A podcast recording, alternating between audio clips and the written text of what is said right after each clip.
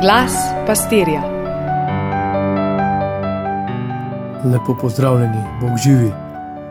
Po naših svetiščih se bo na današnjo nedeljo, pa naslednjo, slišalo pastirsko pismo, ki ga je napisal naš papež, njegova misel ob stopu v postni čas. Mi pa vstopimo tudi še eh, v današnjo božjo besedo. V tem tednu je še kar odmevala božja beseda pretekle nedelje. Ta blagoslov in prekletstvo je marsikoga vznemirjalo. Zakaj bi Bog koga preklel? In zakaj nekatere blagoslavlja, nekatere pa ne? Tako, to so bila vprašanja in spet zanka, še, v katero bi se lahko zapletli, torej slepa ulica, v katero bi lahko zašli. Misel, vse, kar storim za tu zemsko, je slabo, vse, kar storim za večno, pa je dobro. Zato recimo šteje samo molitev, meditacija, skrb za telo in dobrine pa so itek samo začasnega značaja, torej manj ali nič uredne. Ko Gospod stopa pred učence in jih osvobaja, kdo hoče biti moj učenec, mora na novo razporediti prioritete. Se spomnimo. Torej, kdo postavi Boga na prvo mesto, bo blagoslovljen. Že v tem življenju bo prejel stoterno hiš in njiv in bratov in sester prihodnjem veku pa večno življenje. Ko nam je Jeremija predočil ti dve poti, prejšnjo nedeljo, ni govoril po eni strani o strogem sodniku in na drugi o usmiljenem očetu. Šlo je za naš odnos do Boga, za našo odločitev. Ne za, da je takrat Bog slabe volje, ko preklinja ali dobre volje.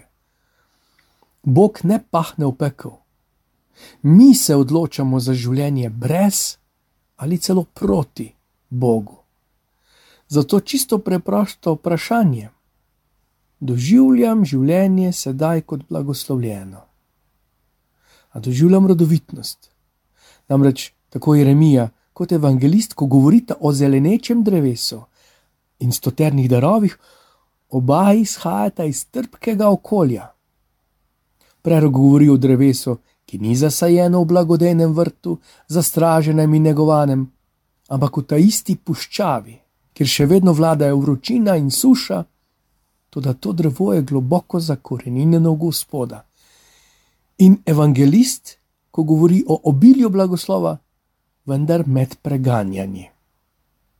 Da lahko gremo naprej, naj bo jasno, biti kristjan ne pomeni izogniti se stiski ne pomeni izbrati si nekaj spoličke posta, pa kakšno krizico za povrh, pa še začinim s kakšnim družinskim nerazumevanjem, ampak vse je še obvladljivo.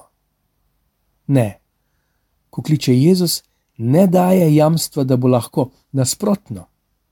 Prav ne diplomatsko takoj pove, da bo stiska in preganjanje, za nekatere celo smrt. Te dni smo na polovici srečen alfa te sezone. Ob temi svetopismo me je prav ganilo ponovno. Ljudje danes tvegajo svoje življenje, da komu prenesejo izvod svetega pisma. Prav pretreslo me je, danes so preganjeni, ko jaz tukaj varno sedim, varno. Oni izgubljajo službe, danes izrekajo svojo ljubezen Bogu. Ja, so države, kjer so ljudje, se ljudje zbirajo po hišah, ker se javno ne smejo. Pa govorimo skoraj o najmočnejši cerkvi, živi cerkvi, ki ljubi Boga. In iz te ljubezni, pazi, tudi tiste, ki jih preganjajo. To pa je tudi crkva kristjanov, ki so stiskani, preganjani in nekateri tudi usmrčeni pa smo spet pri prvi cerkvi, kjer je kri mučencev bila seme novih kristjanov. Mi si pa želimo zagotovila, že preden se podamo v boj, v stisko, v življenje.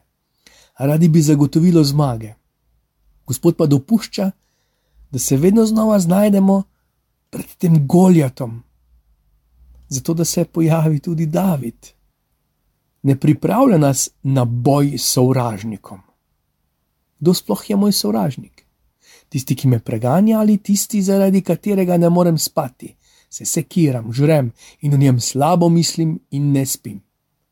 Tisti, ki se nad menoj spotika ali tisti, ob katerem se spremeni moj obraz, moj pogled, moja misel, moje besede, celo moje srce. Tisti, ki se z badljivkami ukvarja z mano, ali tisti, ki sem mu dal pravico, da se je naselil v moje misli, ker se ukvarjam, kako bi mu povrnil, tisti, ki sem mu odmeril elitno parcelo v srcu, ker tam kujem načrte zarote in maščevanja. Jezus ponuja zdravilo in način ljubezen. Prejšnjo nedeljo smo videli, kako Bog ravna. Blagoslavlja, je milosten, usmiljen. Danes pa Luka nadaljuje in pokaže, kako se pozna v življenju tistih, ki sledijo Gospodu. Kaj konkretno pomeni, da so v puščavi, v solnati deželi, bujni in rodovitni? Izhajajo iz Boga. Bog nas je prvi ljubil in naša ljubezen do tistih, ki nas imajo manj radi, ali pa nas celo prezirajo, škodujejo, preganjajo, je vseeno le odgovor, je posledica njegove ljubezni. On nas je ljubil, ko smo bili še v grehih, ko smo še vrjeli zob za zob, ko smo še živeli logiko sveta in ne njegove. Tudi tokrat nam ne bo dal mogočnih orodij ali veščin. Večkrat se počutimo, kot da smo v bitki prav nebogljeni. Tudi zato, da bomo ob zmagoslavju, ki sledi, toliko bolj jasno vedeli, da je bil on tisti, ki je zmagoval in zmagal. In še o duhovnosti in čustvenosti ljubezni, hitro lahko preidemo na raven besede in čustvovanja. Jezus nas takoj prizemlji: delajte dobro. Kako ni vere brez del, tako ni ljubezni brez dejanj ljubezni. Ta privilegij ljubezni, ki smo ga prejeli, ne ker bi si zaslužili, ampak preprosto, ker On je ljubezen, za nas, kristjane, ni izbirna vsebina, ampak pravilo, zapoved, zakon.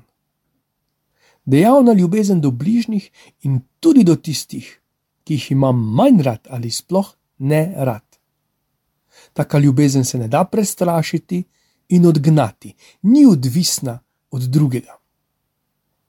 Pri skavtih imamo zapoved: Skavt vsak dan naredi vsaj eno dobro delo. Kaj če bi za me veljalo, da vsak dan naredim vsaj nekaj, kar me bo vodilo bliže Bogu? Blagoslova in čim več ljubezni, tiste prave.